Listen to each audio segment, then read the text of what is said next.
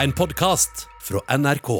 Og temaet i denne podkasten er Disney pluss. Yes, fordi Mulan er endelig på vei til eh, norske strømmetjenester og eh, Blu-ray og DVD-utgivelser. Og du kan òg se alle episodene i den nye serien The Right Stuff.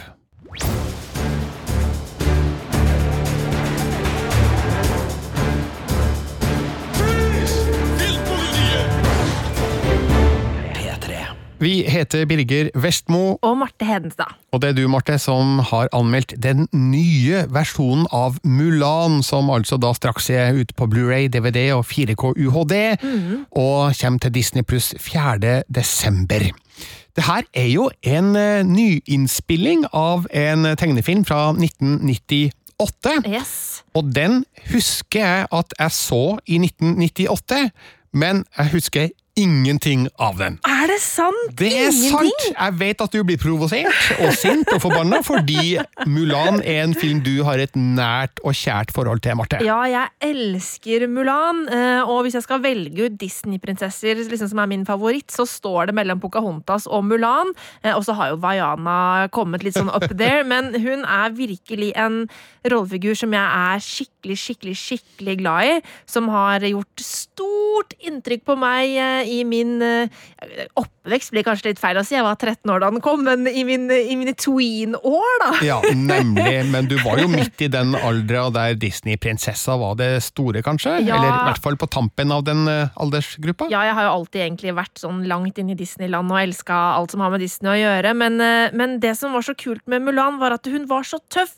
Og hun var bare så kul og fikk til ting som kanskje ikke de andre prinsessene hadde klart før. Og hun var hardtslående og sterk og modig og alt det der. Så hun gjorde virkelig stort inntrykk på meg. Eh, Sånn at eh, da jeg fikk høre at Disney skulle lage da en nyinnspilling av den klassikeren, så ble jeg jo ekstremt spent. Ja, spent eller redd? Begge deler. Ja, nemlig. Jeg skjønner jo at du har et eh, godt forhold til Mulan, men for min del så så jeg jo da den filmen da jeg var 28 år, og var jo kanskje ikke helt mottagelig for eh, den delen av Disney-universet, hva vet jeg, men jeg tror jeg blander sammen Mulan og Pocahontas, jeg. Oh, ja. Selv om det er to vidt forskjellige historier, så Ja, okay. det er mulig at mine minner har blanda seg litt sammen der da på de to filmene som jeg bare har sett én gang hver. Å, du har en hjemmelekse å gjøre, sa Ja, jeg har det. Jeg burde jo egentlig ha gjort den leksa før vi gikk i studio her nå, men eh, jeg stoler jo på at du, Marte, skal fortelle meg alt jeg trenger å vite om Mulan.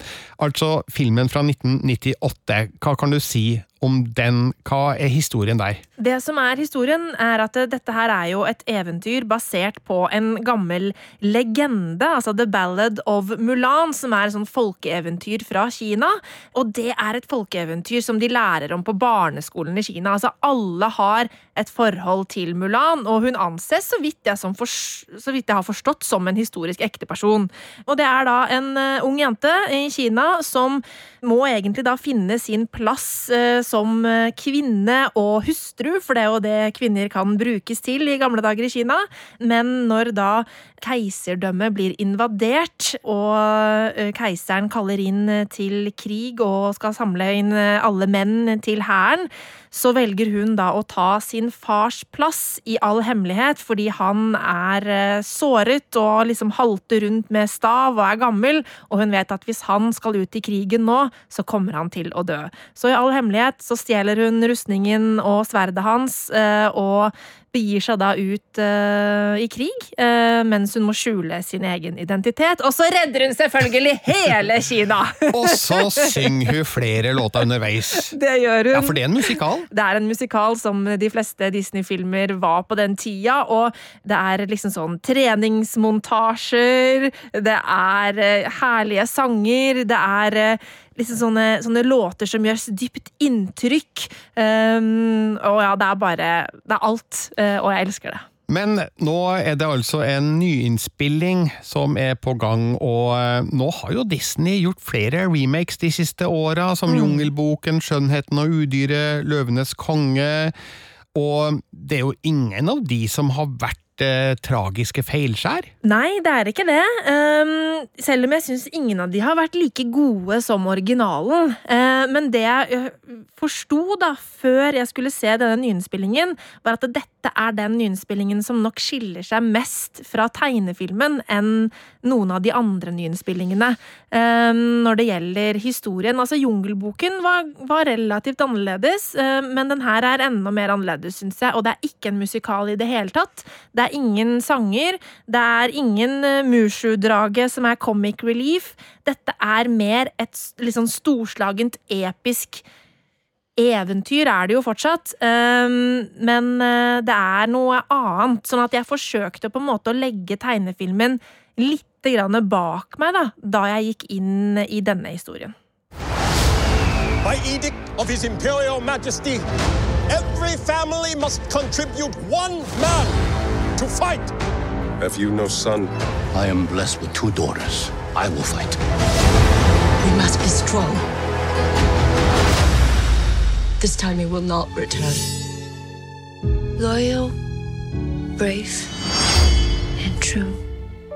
It is my duty to protect my family.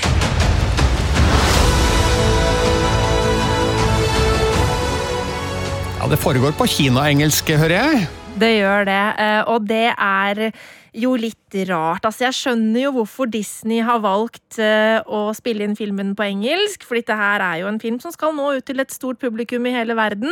Eh, men det er jo litt rart at kinesiske skuespillere som spiller kinesiske rollefigurer i Kina, snakker engelsk. Det er noe som oppleves litt merkelig når man ser filmen, jeg må innrømme det, altså.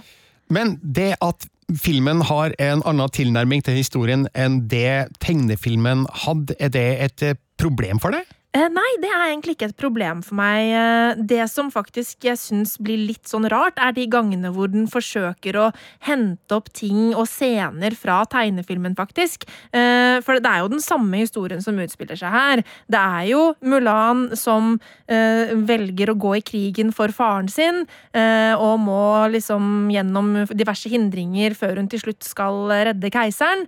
Men det er en litt annen type film. For å forklare litt hvordan Disney antageligvis har tenkt her, da, er at den første Mulan-filmen floppa fullstendig i Kina den gangen, i 1998. Den ble slakta. Og det er jo fordi at det var en vestlig eventyrfortelling eh, forkledd som et kinesisk eh, sagn, kan du si.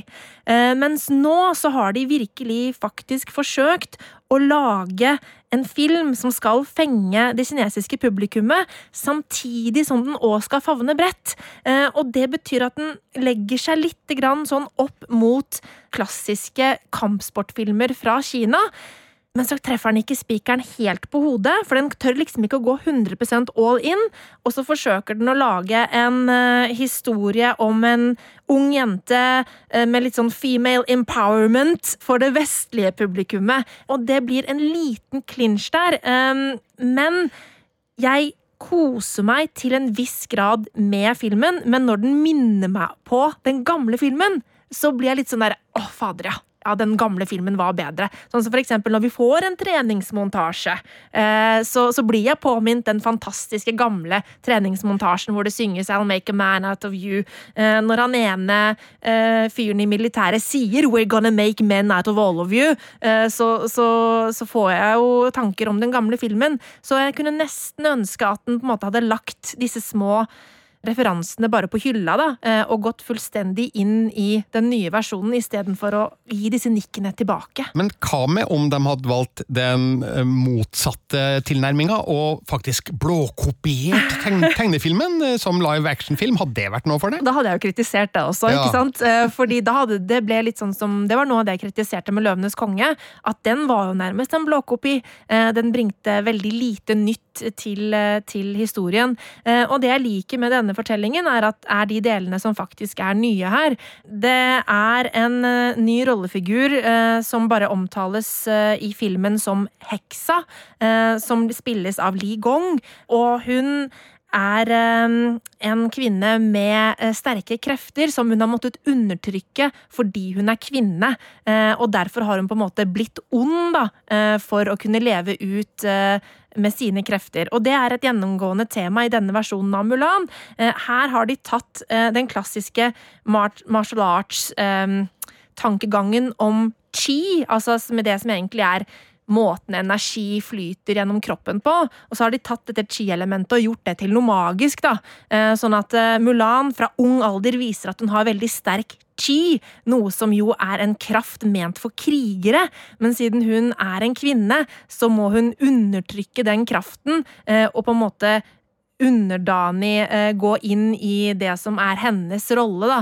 Og eh, da blir hun jo eh, fortalt, altså bedt av faren sin eh, om å være så snill, du må legge bånd på din chi, sånn at du kan bli en god hustru.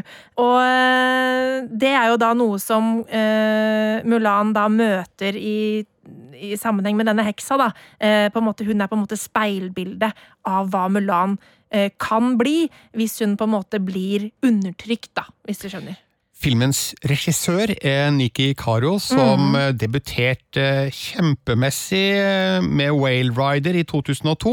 Altså Hun hadde vel laga en film før det, men den har jeg aldri sett, så det var Whale Rider som introduserte hun for, for kinopublikum i Norge. Ja. Hun har laga noen filmer etter det, men eh, alle har vært eh, mindre produksjoner, og så plutselig er hun da i bresjen for denne gigantsatsinga fra Disney. Mm. Altså, Hvordan syns du hun gjør regijobben her? Altså, Det som er med hun, er at hun har i veldig mange av filmene sine hatt eh, såkalt sterke kvinnelige hovedroller, eh, og kvinner som utfordrer eh, en mannsdominert verden. sånn at den, det aspektet syns jeg hun gjør veldig godt. Eh, og jeg får en sånn følelse av liksom girl power eh, via hennes regi og hennes historiefortelling i Mulan. Det som hun ikke er så god på, det er action. Eh, det er veldig mye tøff action i denne filmen, eh, og den trekker jo sånn inspirasjon fra eh, disse klassiske kinesiske kampsportfilmene som altså Snikende tiger, skjult drage, Hero, hva heter den, Flying Daggers, for eksempel. Crouching Tiger. Ja, Crouching Tiger. Altså, her Det løpes opp til vegger, det hoppes over hustak i sånne klassiske vaiersekvenser. Det er masse sånn type veldig stilig fighting. Um, så i seg selv så er kampsekvensene kule, men det handler om måten hun klipper de større krigssekvensene på. Her er det en klipperytme som gjør at man ofte stusser og blir litt sånn eh, revet ut av det. Eh, blir litt sånn 'oi, men hvordan kom hun derfra til dit så fort'? Eh, 'Oi, det her var veldig rart'. Og så er det akkurat som at det er så masse elementer som skal være med i historien her, i de forskjellige actionsekvensene, som gjør at hun ikke lar det bygge seg opp på en naturlig måte. Og når da på en måte det som er klimakset skal komme, så slår det ikke så veldig hardt. Eh, fordi eh, hun har ikke klart å skape den spenningskurven da, eh, som en god actionsekvens skal ha. Så det er litt sånn synd, fordi at det, i seg selv så er fightingen skikkelig, skikkelig kul.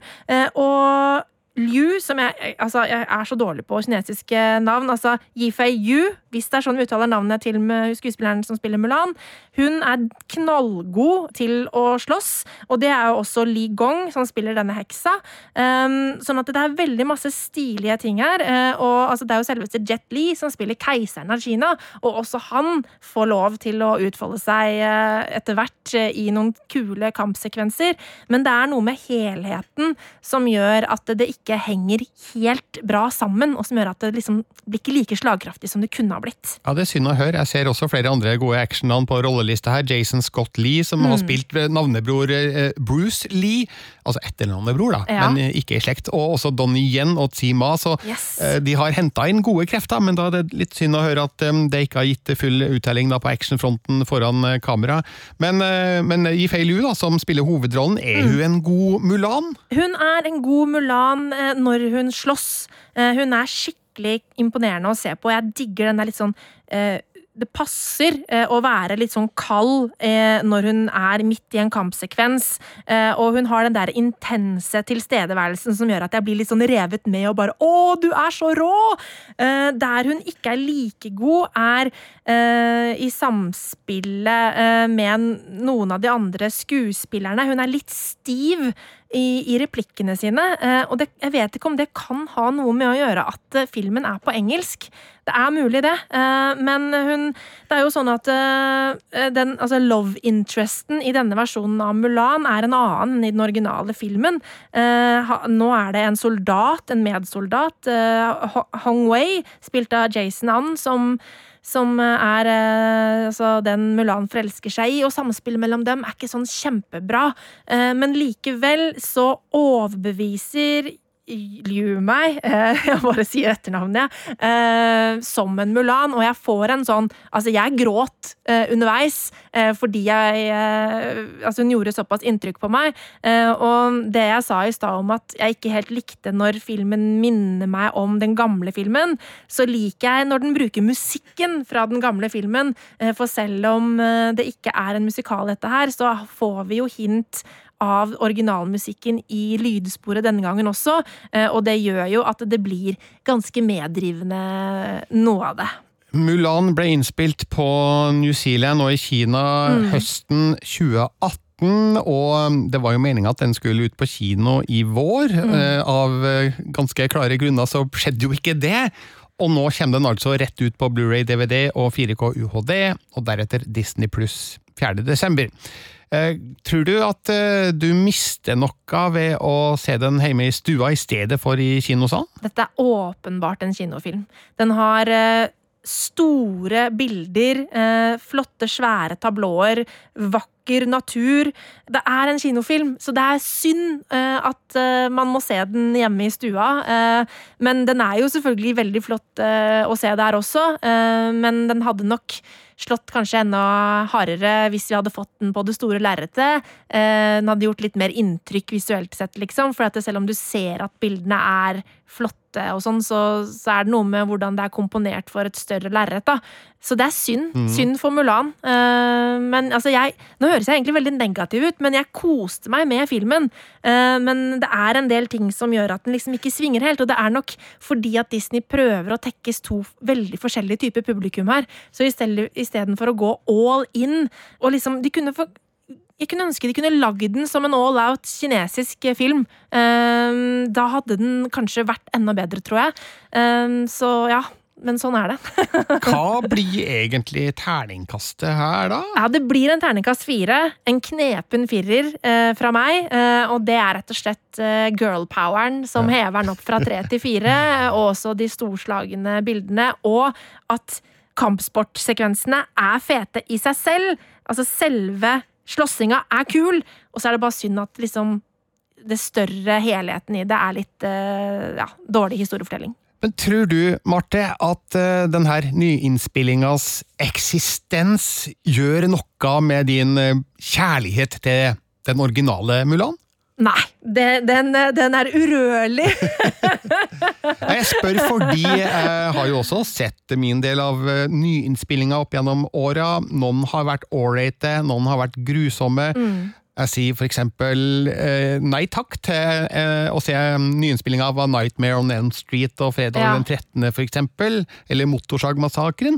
Um, jeg nekter plent å se nyinnspillinga av Fright Night, som er en herlig vampyrkomedie fra 1985. da. Den nyinnspillinga hadde Colin Farrell i hovedrollen, og skal visst ikke være så verst, men jeg, jeg vil ikke se den. Kan du forstå den tankegangen? Ja, jeg kan forstå det. Det er, jo, det er jo noe når man er så glad i en ting, så vil man ikke at noe annet skal liksom komme og rokke ved det. Eh, men men eh, jeg, jeg pleier ikke å liksom la meg selv eh, at det, liksom, det blir ødelagt, at originalverket blir ødelagt av at det kommer noe nytt. Eh, da blir det bare sånn, ok, men originalen er best. Eh, den står seg sjøl som den er, og så får det andre greiene her bare være. Ja, altså jeg har jo sett og anmeldt nyinnspillingene av Jungelboken og um, Skjønnheten og udyret, og det var ålreite filmer. De var fine, jeg tror jeg til og med ga ganske høye terningkast på de. Men originalene, altså tegnefilmene fra Disney av begge to, står jo fremdeles som påler. Rokker ikke ved deres eh, superiority.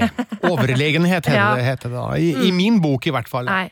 Eh, og altså, eh, sånn er det med Mulan også. Eh, jeg syns tegnefilmen fortsatt er best, men det er klart, eh, når det gjelder storslagenhet og slåssing, så er nyinnspillingen bedre. Mulan kommer ut på, som vi sa, Blu-ray, DVD og 4K UHD Blu-ray nå til, til uka. Yes, 30., altså mandag 30. november, og så kommer den på Disney pluss 4. desember.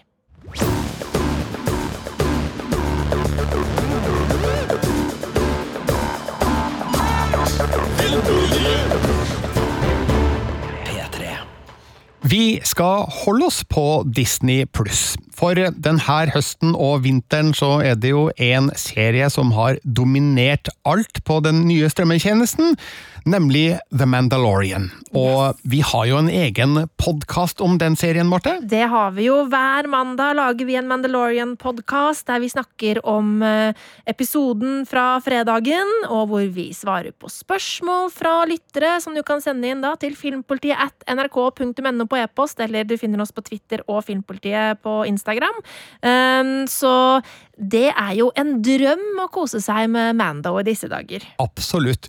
Men det har gått en annen ny serie på Disney Pluss parallelt med Mandalorian, som vel har havna litt i skyggen av den. Alle åtte episodene ligger nå ut av sesong én av The Right Stuff. Astronaut.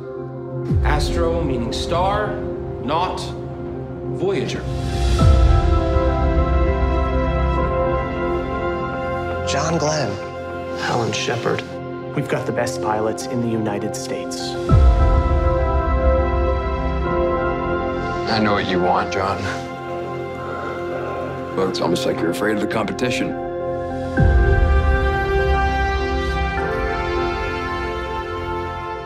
Ja, det høres pompøst ut, og det må det jo gjøre når det handler om amerikansk romfartshistorie.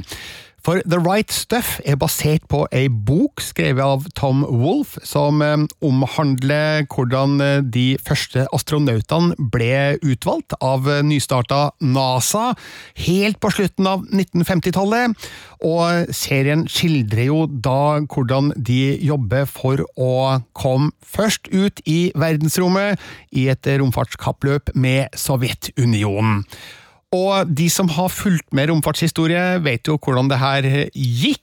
Så det er jo ikke det at man får presentert noe nytt og uventa her, men det er allikevel et veldig interessant blikk bak kulissene, og hvordan de kjempa mot datidas forholdsvis sparsomme teknologi. Altså, hva hadde man av datateknologi på slutten av 1950- og starten av 1960-tallet? Det var forholdsvis lite. Ja, alt måtte utvikles, alt måtte finnes opp, og alt måtte liksom finnes opp før russerne Ja, fant opp.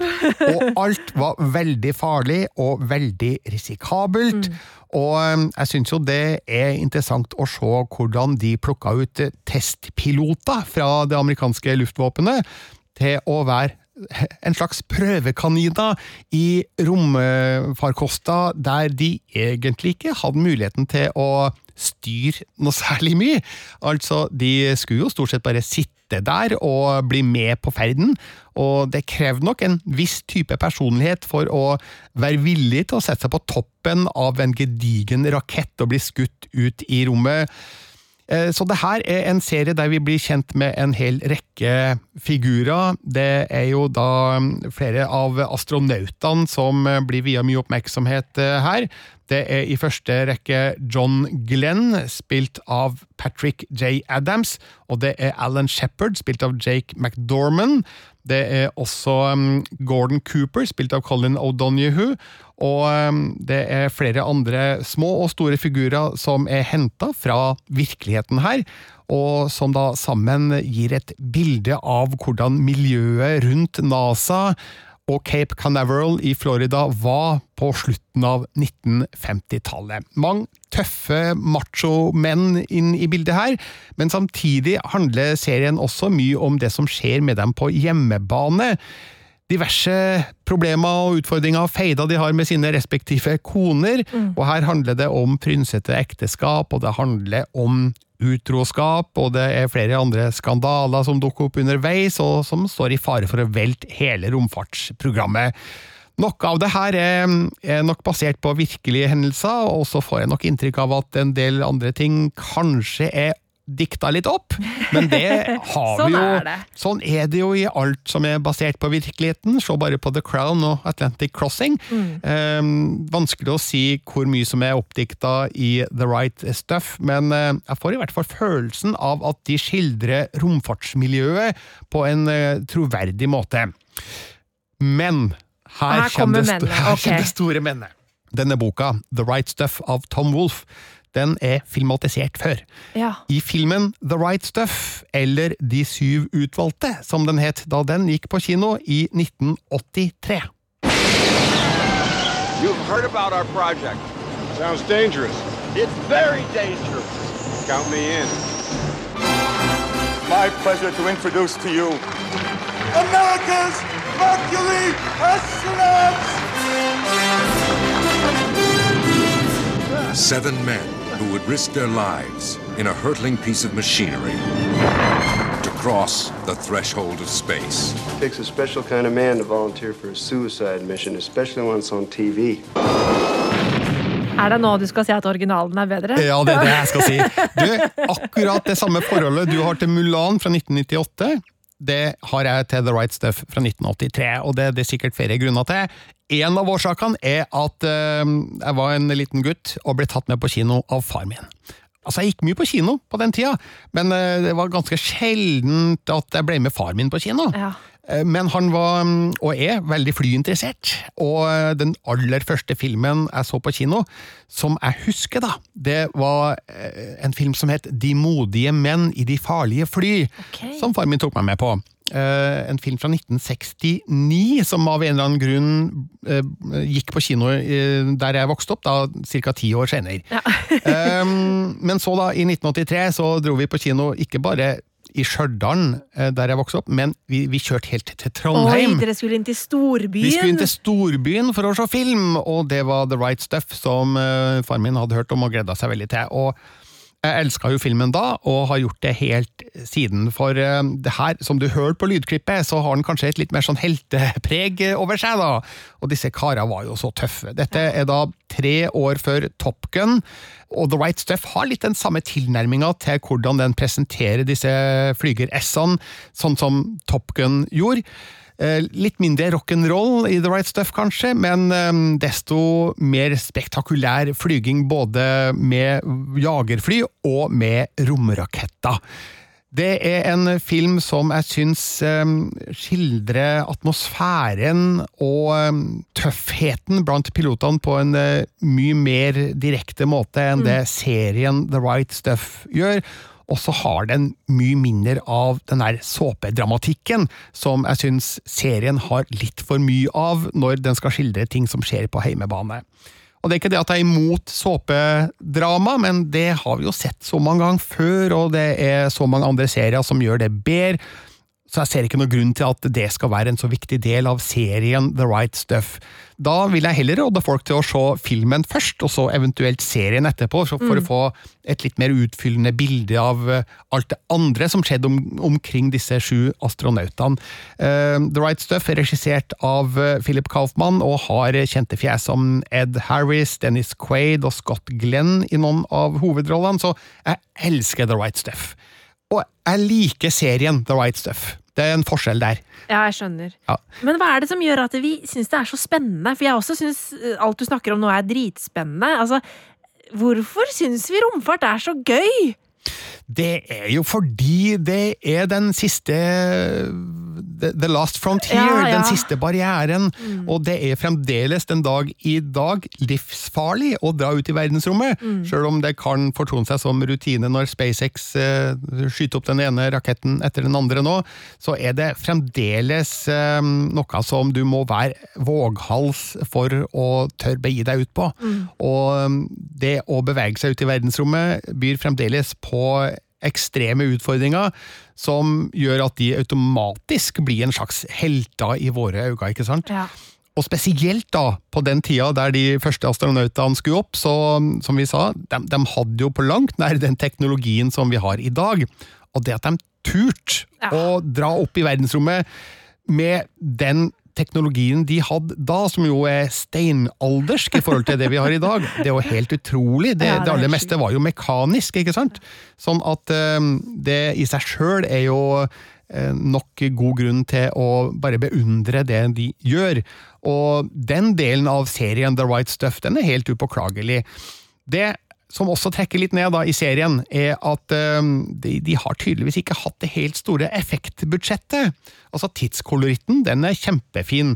Det er virkelig 1960-tallet med alt uh, som kun fins av mote og interiør og biler og kostymer og, og hår og alt sånt. Det er på plass, men det er jo heller ikke så innmari dyrt å få til.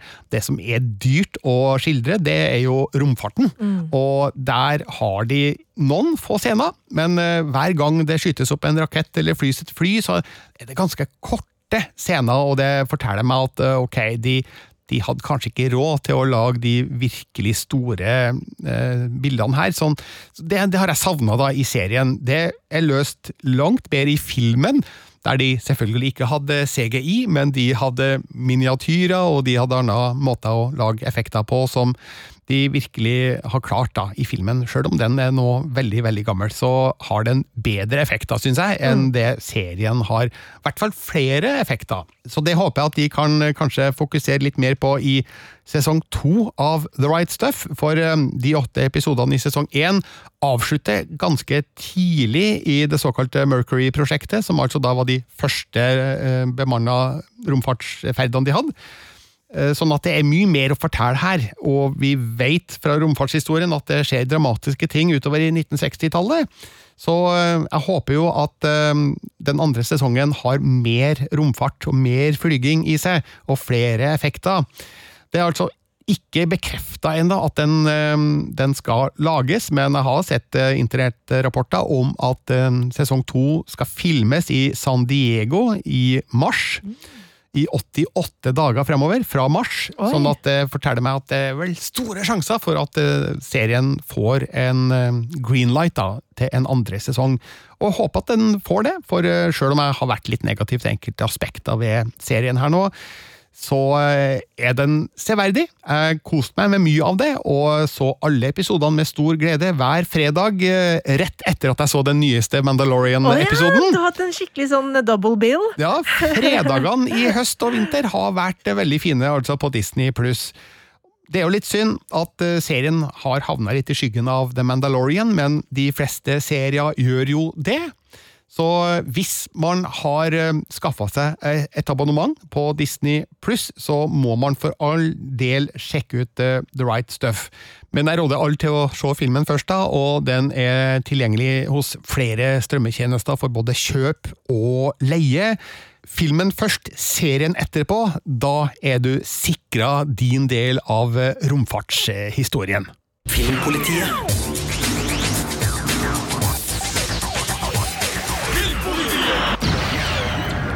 Med det gir vi oss for denne gangen. Hvor kan folk nå oss, Marte? Du kan nå oss på e-post på filmpolitiet at nrk.no, og du finner oss under Filmpolitiet på Twitter og Instagram. Og så kan du selvfølgelig gå inn på nettsidene våre. p3.no filmpolitiet er adressen der, og så må du for all del høre oss på P3 hver søndag klokka tolv.